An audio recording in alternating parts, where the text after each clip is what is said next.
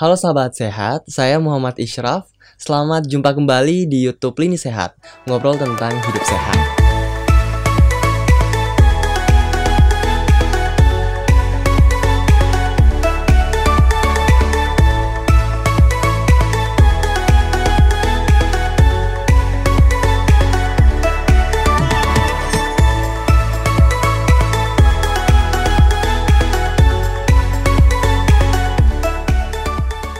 Lebih khusus lagi membahas plus minus diet populer agar kamu nggak salah pilih dan sekedar ikut-ikutan. Juga membahas makanan dan imunitas serta betapa pentingnya pengendalian makanan, pengaturan aktivitas fisik, tidur dan mandi untuk hidup sehat dan bugar, bahkan panjang umur, dan masih banyak lagi. Sahabat sehat, kali ini kita akan ngobrol tentang seberapa banyak sih porsi jenis pangan yang dikonsumsi untuk meningkatkan imunitas.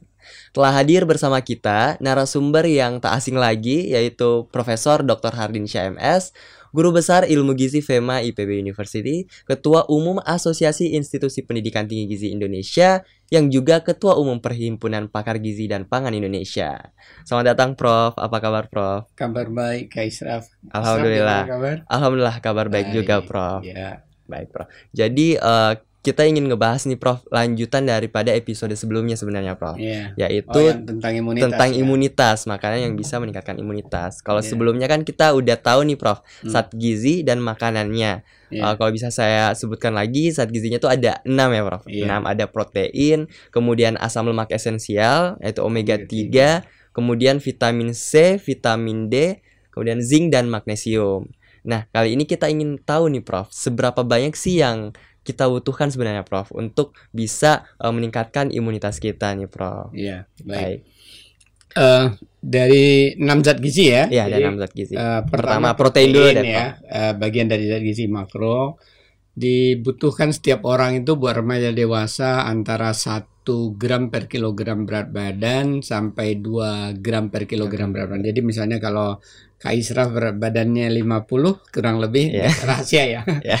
50 berarti kalau katakan nilai tengahnya aja karena bukan bodybuilder, bukan yeah. olahragawan ya, katakanlah 1,2 sampai 1,5 gram per kilogram. Berarti 50 kali 1,2 hmm. ya 60 ah, ya. Yeah. Kemudian kalau kali satu setengah 75, katakanlah sekitar 60 sampai 75 gram. Oke. Okay. Nah, berapa banyak itu kalau kita peroleh dari makanan dari makanan. Bapak izin nih, ada yeah. ada food model di sini Wah. ya. Uh, bukan hanya selebriti yang punya model ya, food juga punya model lah. Itu nah. kira-kira dari apa Prof itu? Itu bukan makanan asli kan ya Prof? Hmm, tidak. Jadi namanya model itu suatu uh, tiruan dibuat okay. dari suatu bahan tertentu tentu yang awet gitu ya. Uh, sesuai dengan bentuk, warna, rupa dari makanan hmm. sehingga memudahkan dalam kita memberikan informasi atau edukasi tentang gizi. Jadi misalnya tadi ditanya protein nah, ya. Menarik nih. Yang populer itu di Indonesia kan sehari-hari telur ya. Telur, telur. Ya.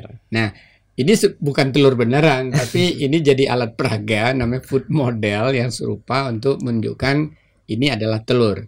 Okay. Nah, di dalam telur kalau saya tanya mungkin kalau Kak Israf orang gizi ngerti ya, uh, telur itu beratnya 55 gram. gram. Tapi buat uh, teman-teman kita sahabat uh, sehat di sana belum tentu kan. Yep. Jadi sebutir telur, telur ayam uh, ras itu rata-rata 55 gram satu butir ini. Oke. Okay. Jadi bukan 100 gram ya. Karena hmm. itu kalau kita beli satu kilo itu bisa 16 buah kan. Yeah. Kalau 20 buah itu kan 50 gram berarti. Yeah. Ya. Nah, di dalam kita bicara protein tadi. Jadi kalau uh, protein yang tadi dibutuhkan 75 gram misalnya ya. Yep. Nah, 60 sampai 75 gram tergantung tadi berat badan dan keperluan kita. Kalau untuk lebih optimum lagi kita ambil lah 75 karena apa? Zat-zat imunitas tadi kan dibentuk oleh komponen-komponen uh, asam-asam amino ini ya, hmm, ya yang banyak di dalam salah satunya nih telur nih ada lagi yang lain ini ya. Uh, ada apa lagi tuh, Prof? Ada ikan. Ikan. Uh, ada Ikannya Ad... juga kalau tadi ikan laut ada lagi ikan sungai. Ding ding ding ding. Kemudian Itu putih-putih apa, Prof? Oh, ayam. Oh, ini. Iya, ayam ayam ya. Paha ayam. Bisa ada, ada ayam juga ya. Kemudian ini ada susu. Susu okay. ya. Kemudian ada, ada daging kalau mampu ya. kalau mampu. Tapi daging ayam lebih murah gitu kan. Nah, ini yang populer ini. Apa tuh? Tempe. Tempe ya, Eh, tempe. Kalau ini pasti Pasti udah pada tahu lah ya juga. tahu, ya. ya. Ada yang kuning, ada yang putih kan. Ya, ya. Oke. Kembali tadi ya. Ya. Nah, ini dalam 55 gram ini ini mengandung jumlah proteinnya ini sebesar 7 gram.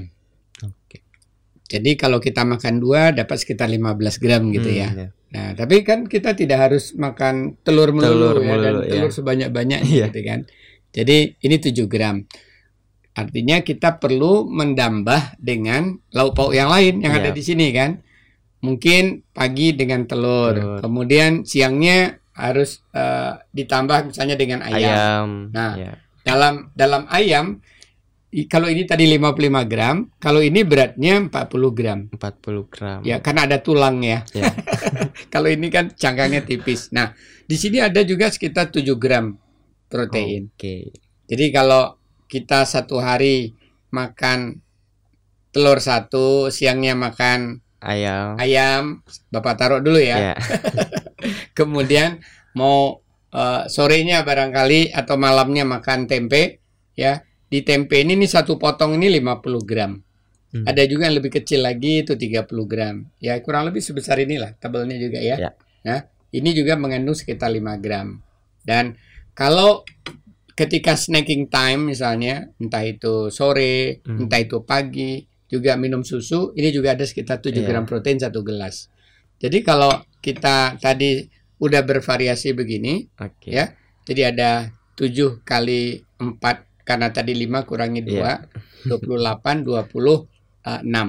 Ya, padahal tadi tujuan kita 20 eh, eh 60 atau 75 gram. 75 gram. Nah, bahwa kita juga makan pangan nabati ya selain tempe dan tahu itu ada lagi Hmm. cana proteinnya.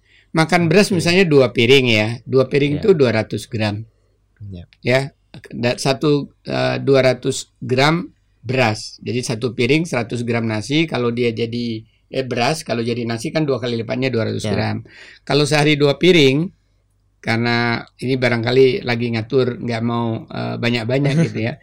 Itu satu gram 100 gramnya juga ada sekitar 7 sampai 8 gram protein. Oh, berarti tetap ada proteinnya ya, Dapat lagi Prof. 14 gram Iya. di sana. Jadi dari sini sekitar udah dapat sekitar 40. 4. Berarti buat eh, yang seusia eh, Kak Israf Ya. dan ingin optimum tadi ya, karena sebenarnya minimum kan satu gram. Iya, Ya, kalau 50 gram kan eh, 50 kilogram beratnya kan cuma 50 udah gram. 50. Sudah hampir terpenuhi karena nanti dari sayur juga ada protein Iya. Ada meskipun protein juga 100 meskipun- gramnya hanya satu gram ya. Oke. Ya, dari eh, ada lagi makan camilan misalnya nanti ada lagi protein Oh. tapi rendah gitu kan. Oke. Jadi tadi udah 40 50 sih dapat untuk tapi kita kan tadi untuk optimum ya. Ya, untuk meningkatkan Apalagi ya, imunitas kita. masih ya, sisa usia pertumbuhan menjelang 20 kan ya? Eh, udah lewat. Oh, udah lewat? Oke.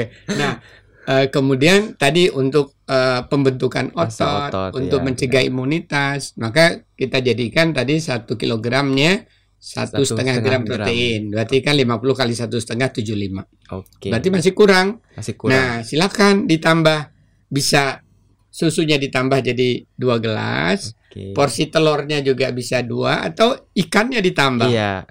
Ikan ini jadi bisa dua potong. Ini kan baru satu potong. Jadi kayaknya ini sekali up santap habis.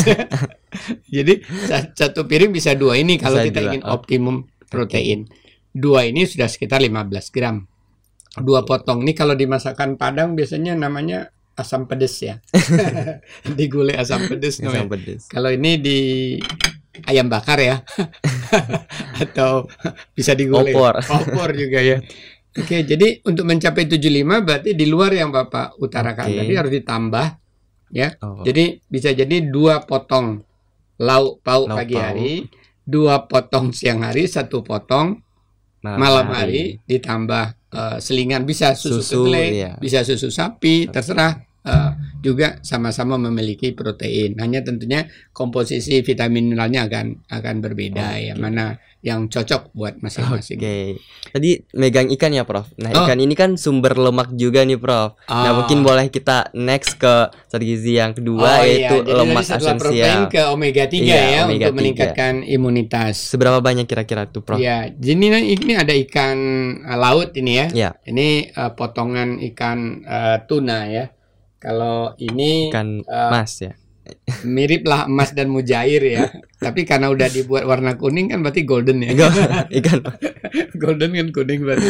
Nah, eh, di kalau kita mem- eh, tadi mengoptimalkan omega 3 namanya asam lemak yang eh, banyak pada ikan. Iya. Di samping juga nanti ada pada alpukat dan lain sebagainya ya. Eh, di ikan laut tuh lebih banyak Hmm. ya kandungannya. Jadi misalnya 100 gram eh, tuna, 100 gram eh, ikan kembung Hmm. itu sudah bisa memenuhi kebutuhan kita sekitar 1,2 1,5 Oh, eh, mikrogram eh, tadi omega, omega 3. 3. Nah, itu 100 gram. Tahu nggak ini berapa beratnya? Berapa tadi ya? Eh 4 Ini segede ini nih, ya. Coba nih, Lima. kira-kira seperti ini. Ini beratnya 40 gram. oh, 40 gram. Berarti kalau ingin 100 gram dua setengah lipat dari ini. Berarti dua potong Dua- yang agak oke. gede gitu ya. Atau setengah ekor sekaligus Iya. kalau ekornya kira-kira lebih panjang dari ini, lebih panjang Oh. dari ini. Nih, nih, lebih panjang. Kalau ini beratnya juga 40 gram, banyak tulang ini ya. Kepala enggak enggak enggak bisa eh, semua di, dimakan. Iya. Kalau dimakan semua hebat itu ya. gigi dan eh, pencernaannya. Nah, berarti kalau kita kalau dari sini ini kecil Hmm. sekali eh, sepertiga dari eh, omega 3 adanya di ikan, Oh, di kem- ikan. eh, tuna ini. Jadi berarti ini harus lebih banyak lagi makannya. Oke. Kalau ini misalnya 100 gram cukup, ini eh, tiga kalinya 300 gram. Oke. 300 gram dahsyat ya. Eh, berarti itu Iya. sampai 6 ekor ya satu hari. Tapi kan kita tidak semua itu dari Dari ikan aja ya, Ada Bro. dari asam lemak esensial lagi oleh tubuh nanti dijadikan Oke. eh, untuk jadi eh, sumber dari omega 3. Termasuk susu juga ya, Prof? Nah, di susu juga Iya. ada, juga di telur juga ada. Oh, Di telur juga ada. Ya, di telur juga ada, ya di telur, tapi tidak sebanyak di Oh, sini. iya. iya. Ya, di telur ada, di susu ada, di kacang-kacangan juga ada. Nah, ini misalnya nih kacang merah ya. Kacang merah. Nih lihat kacang merah nih. Jadi eh, bahkan juga di tempe ada kecil ya, di tempe Oh. ada kecil. Jadi, karena itu perlunya makan beraneka ragam. Beraneka ragam. Tapi kalau ingin cepat, pemenuhannya dari dari ikan. ikan, tuna, laut. ikan Iya. kembung, ikan laut tadi ya. Iya. Atau di belut. Belut itu sekitar hampir 60-70% yang ada di ikan tuna.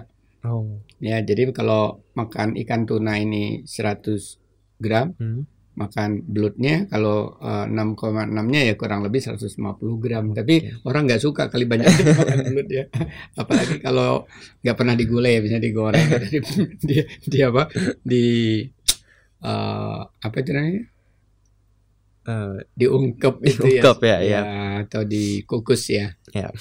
Jadi eh, itu ya kalau di daging juga Hmm. ada sedikit sekali, jadi nggak nggak banyak, bukan jadi sumber di sini. Ini ini Hmm. daging nih ya, sebesar ini nih eh, daging ini, berapa tuh berarti kira-kira? ini 35 gram, Oh, jadi 30. 100 gram itu tiga kali potong ini. Jadi kalau Hmm. makan rendang di masakan Padang, Iya, kira-kira segitu kira-kira. lebih kecil dong. Oh iya, lebih kecil. kecuali kecuali tergantung restoran. Tergantung ya Padang. Kalau restoran mana Padang ya. Yang eh, murah ya enggak Iya, iya, separuh iya. ini ya. Berarti separuh ini 20 gram, ini 35 gram. Ya, jadi eh, itu tadi untuk pemenuhan zat gizi yang kedua untuk meningkatkan imunitas ya.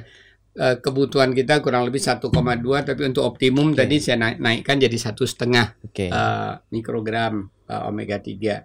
Oke. Ya sebenarnya lebih-lebih sedikit nggak apa-apa nih kan lemak lemak baik ya. Oke. Karena untuk kita tadi berjaga-jaga untuk optimum health gitu. Baik, terima kasih Prof. Nah, selanjutnya ini terkait eh, vitamin nih Prof, vitamin C dan vitamin D. Ya. Nah, seberapa banyak nih Prof yang jenis pang eh, jumlahnya Oke. dari kalau kan vitamin dan kalau mineral vitamin C sayur ya, dan buah ya. baik. Umumnya di di sini Ya. ah, sedikit sekali hampir tidak ada vitamin C, apalagi di telur nggak ada Iya. vitamin C.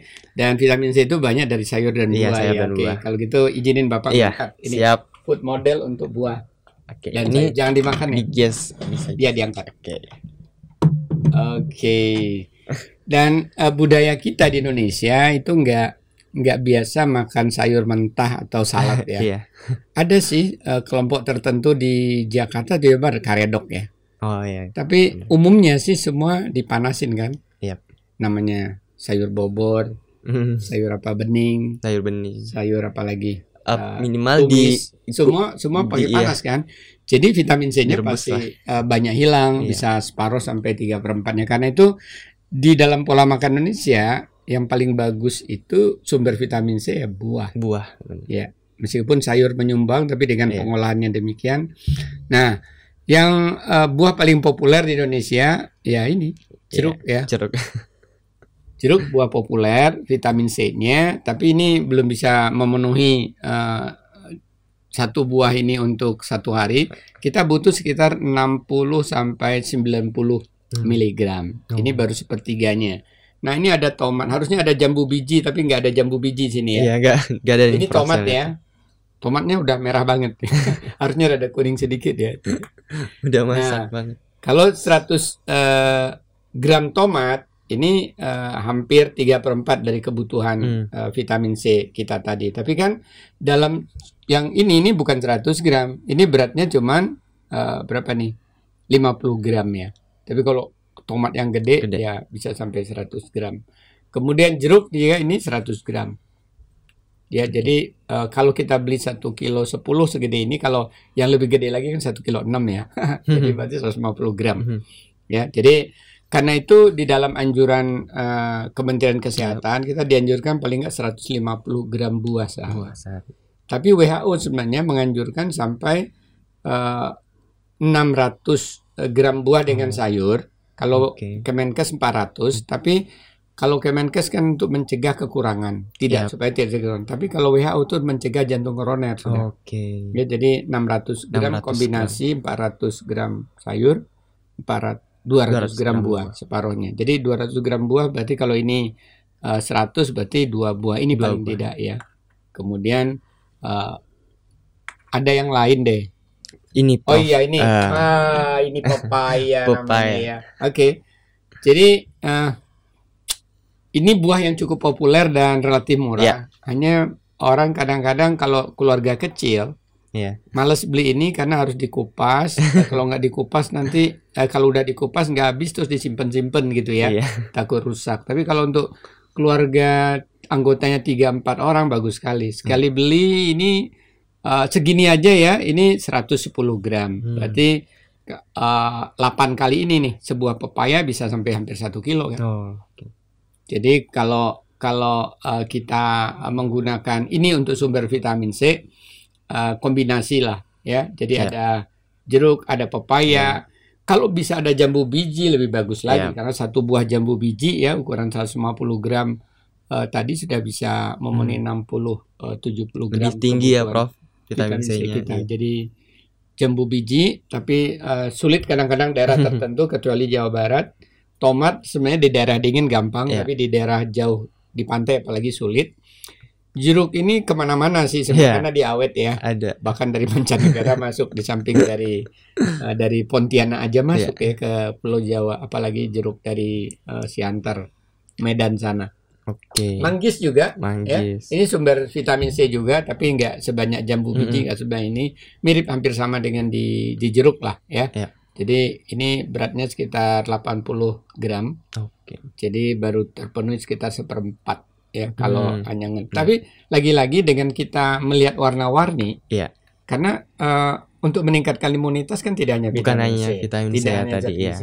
Ada phytochemical Iya, yang mencirikan iya, iya, warna. benar-benar. Ini banyak karotenoidnya Karotenoid. ya ini juga eh, eh, ada zat antioksidannya juga ini juga ini Hmm, juga jadi benar-benar. saya pikir upayakanlah kalau bisa eh, ada ya tiga empat warna buat Iya, satu hari itu berarti akan melengkapi eh, Oke. berbagai kebutuhan gizi kita. Oke, sekarang vitamin D, Prof. Seberapa banyak dan sumber pangannya sebelumnya apa ya, Prof? Oke, vitamin D, vitamin yang kedua ya. Iya. Kita ingat kemarin ada dua putri raja ya. Oh. Jadi eh, vitamin D itu banyak pada ikan, pada telur. Nah, telur ini kan Hmm. ada dua bagian nih. Oh ya, putih telur Putih, sama ada kuning, kuning. telurnya. Nah, vitamin D itu banyak di kuningnya. Sama dengan kolesterol. Vitamin D, kolesterol itu banyak di dalam kuningnya. Hmm. Jadi jangan sampai dibuang. Kadang-kadang kan ada Ada yang suka putih. apalagi anak-anak Iya. biasanya ya suka putihnya, Putihnya, kuningnya dibuang. kuningnya Padahal dibuang. tuh kaya zat gizi dan Mm-mm. anti kolesterolnya juga ada di dalam gitu ya. Jadi ini sumber vitamin D.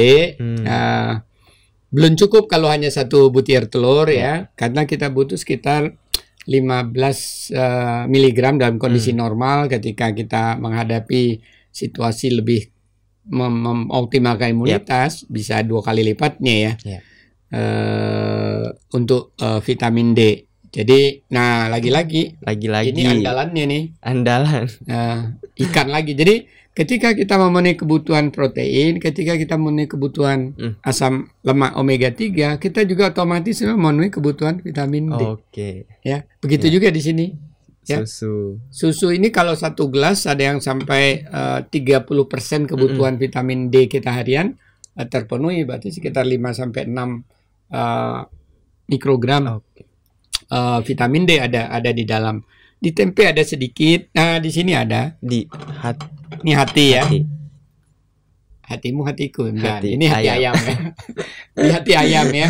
Ini beratnya hati ini 30 gram Hmm. Ya. Eh, vitamin kita makan 30 gram kebutuhan vitamin D kita bisa terpenuhi, tercukupi. Tapi kan nggak semua orang suka hati. Iya. Gak semua orang suka. Eh, apalagi sakit hati nggak semua orang suka ya. Semua orang kayak gak suka sakit hati. Itu nggak ada orang yang suka hati karena aromanya, ada yang karena aromanya nggak nggak suka. Iya. Tapi eh, tergantung kiat kulinernya ya, dibumbuin cara ngolah. Ya, ada ya, yang ya, nggak bisa jadi. ya. Kalau bapak tuh suka kayak ayam eh, goreng suka bumi yang hatinya digoreng pakai apa itu kunyit dan Wah, sebagainya. ya. Ah, jadi aroma yang Amisnya udah Hmm. ini ya, Bro. enak Ya. jadinya. Bahkan juga mencegah anemia juga terkenal di Iya. sini kan. Pokoknya semua vitamin yang bisa dicadangkan di sini luar biasa Oh. ya. Hanya tinggal eh, kita memilih hati ayam yang seperti apa Iya. untuk memenuhi kebutuhan ini. Oke, kemudian eh, di kacang-kacangan juga ada vitamin D sedikit, tapi umumnya adalah Hmm. pangan hewani di nabati yang paling tinggi itu di jamur. Ja oh jamur. Jamur. Ja- Oh. jamur itu apa lagi ya? Mushroom. ya? Mushroom. Bahasa lainnya jamur apa? Ya jamur ya. jamur. Tapi jamur. bukan jamuran loh. ya, beda lagi itu ya, Bro. Beda Jamuran. Jadi sorry sini nggak ada jamur kebetulan. Jadi eh 100 gram jamur itu hampir terpenuhi separuh sampai 2 per 3 dari kebutuhan. Oke. Tapi juga kita kan tetap perlu beragam sumbernya Iya, ya, karena beragam ada itu. zat gizi yang Iya. lain. Ya itu tadi yang vitamin D. Oke. Selanjutnya Prof eh, ke mineral, mineral zinc Hmm. dan magnesium. Oke, dua uh, mineral putra uh, mahkota kita sebutkan di dalam dunia imunitas ya. Uh, umumnya adalah dari pangan hewani ya, sumber tadi zinc tadi dan paling banyak itu di dalam kerang-kerangan. Nah, Mm-mm. tapi sayang sini nggak ada, ada food uh, modelnya ya. kerang nih ya. Tapi uh, pertama ini yang paling tinggi nih Kembali ke di hati. dalam hati ya. Jadi uh, satu butir hati uh, sudah bisa memenuhi kebutuhan zinc kita hanya sekitar 15 sampai 20. Itu juga kalau sudah uh, gram. Ya.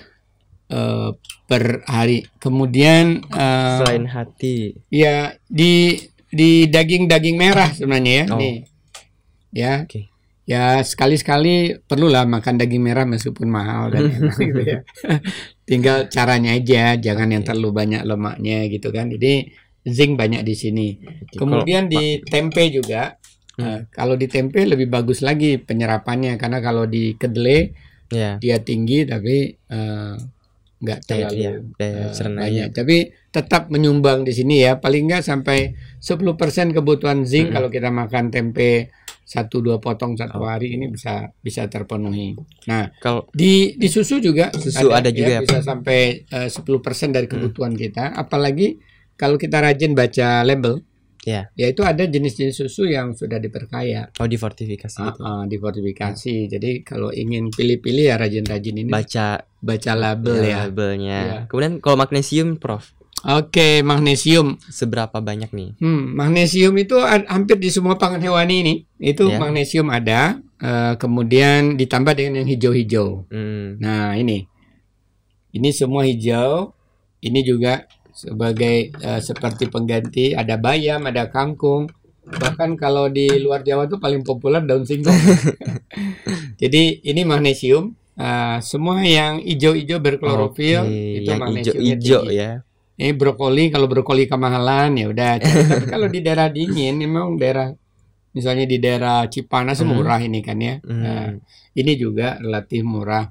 Eh, daun kangkung juga kalau kalau ada bayam, ya. Jadi hijau. kita butuhkan magnesium itu 350 eh, miligram eh, se sehari, Sehari. ya. Jadi dengan kita tadi memenuhi kebutuhan lauk Ya. pauk eh, 150 gram Hmm.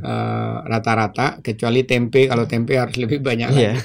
atau kombinasinya 150 gram eh, sehari lauk pauk Hmm. ini itu sebenarnya sudah bisa memenuhi kebutuhan eh, magnesium udah kita tambah lagi dengan sayur Dari ya sayur. karena pada dasarnya kan makanan itu harus terdiri dari semua ragamnya ya Iya. ada lauk pauk Dia sayur kembali buah. lagi ya, Prof. Gizi ada makanan seimbang. pokok bahkan yang nggak belum ada Iya. ditunjukkan di sini ya Intinya nggak ada satu jenis pangan yang Hmm. bisa memenuhi kebutuhan zat gizi kita ya, Prof. betul Harus ada kombinasi. Dan beragam itu tadi ya. Beragam gitu. ya ini juga masih ada kok sumber vitamin C Oke. ada semangka Ada banyak ya di sini. ada Pisang. pisang Oke. ya Itulah tadi obrolan hidup sehat kita bersama Prof Hardin. Jadi sahabat sehat ternyata banyak informasi yang bermanfaat nih yang bisa kita peroleh. Seperti tadi sebutir telur itu berapa beratnya sih proteinnya berapa sih? Jadi kita bisa memperkirakan ya Prof. Kemudian sayang sekali bila informasi bermanfaat ini tidak kita share. Seperti kata bijak, the best way to multiple your happiness is to share it with others. Jadi jangan lupa untuk subscribe dan share video ini agar bermanfaat juga bagi keluarga, teman dekat, dan sahabat lainnya. Jangan lupa juga klik tanda lonceng agar bisa update berbagai video hidup sehat mendatang. Terima kasih banyak sahabat sehat. Sampai jumpa dengan topik yang lebih menarik lagi tentang hidup sehat dalam keseharian kita. Tetap jaga kesehatan di mana pun sobat sehat berada. Stay safe and healthy. Dah terima kasih Prof.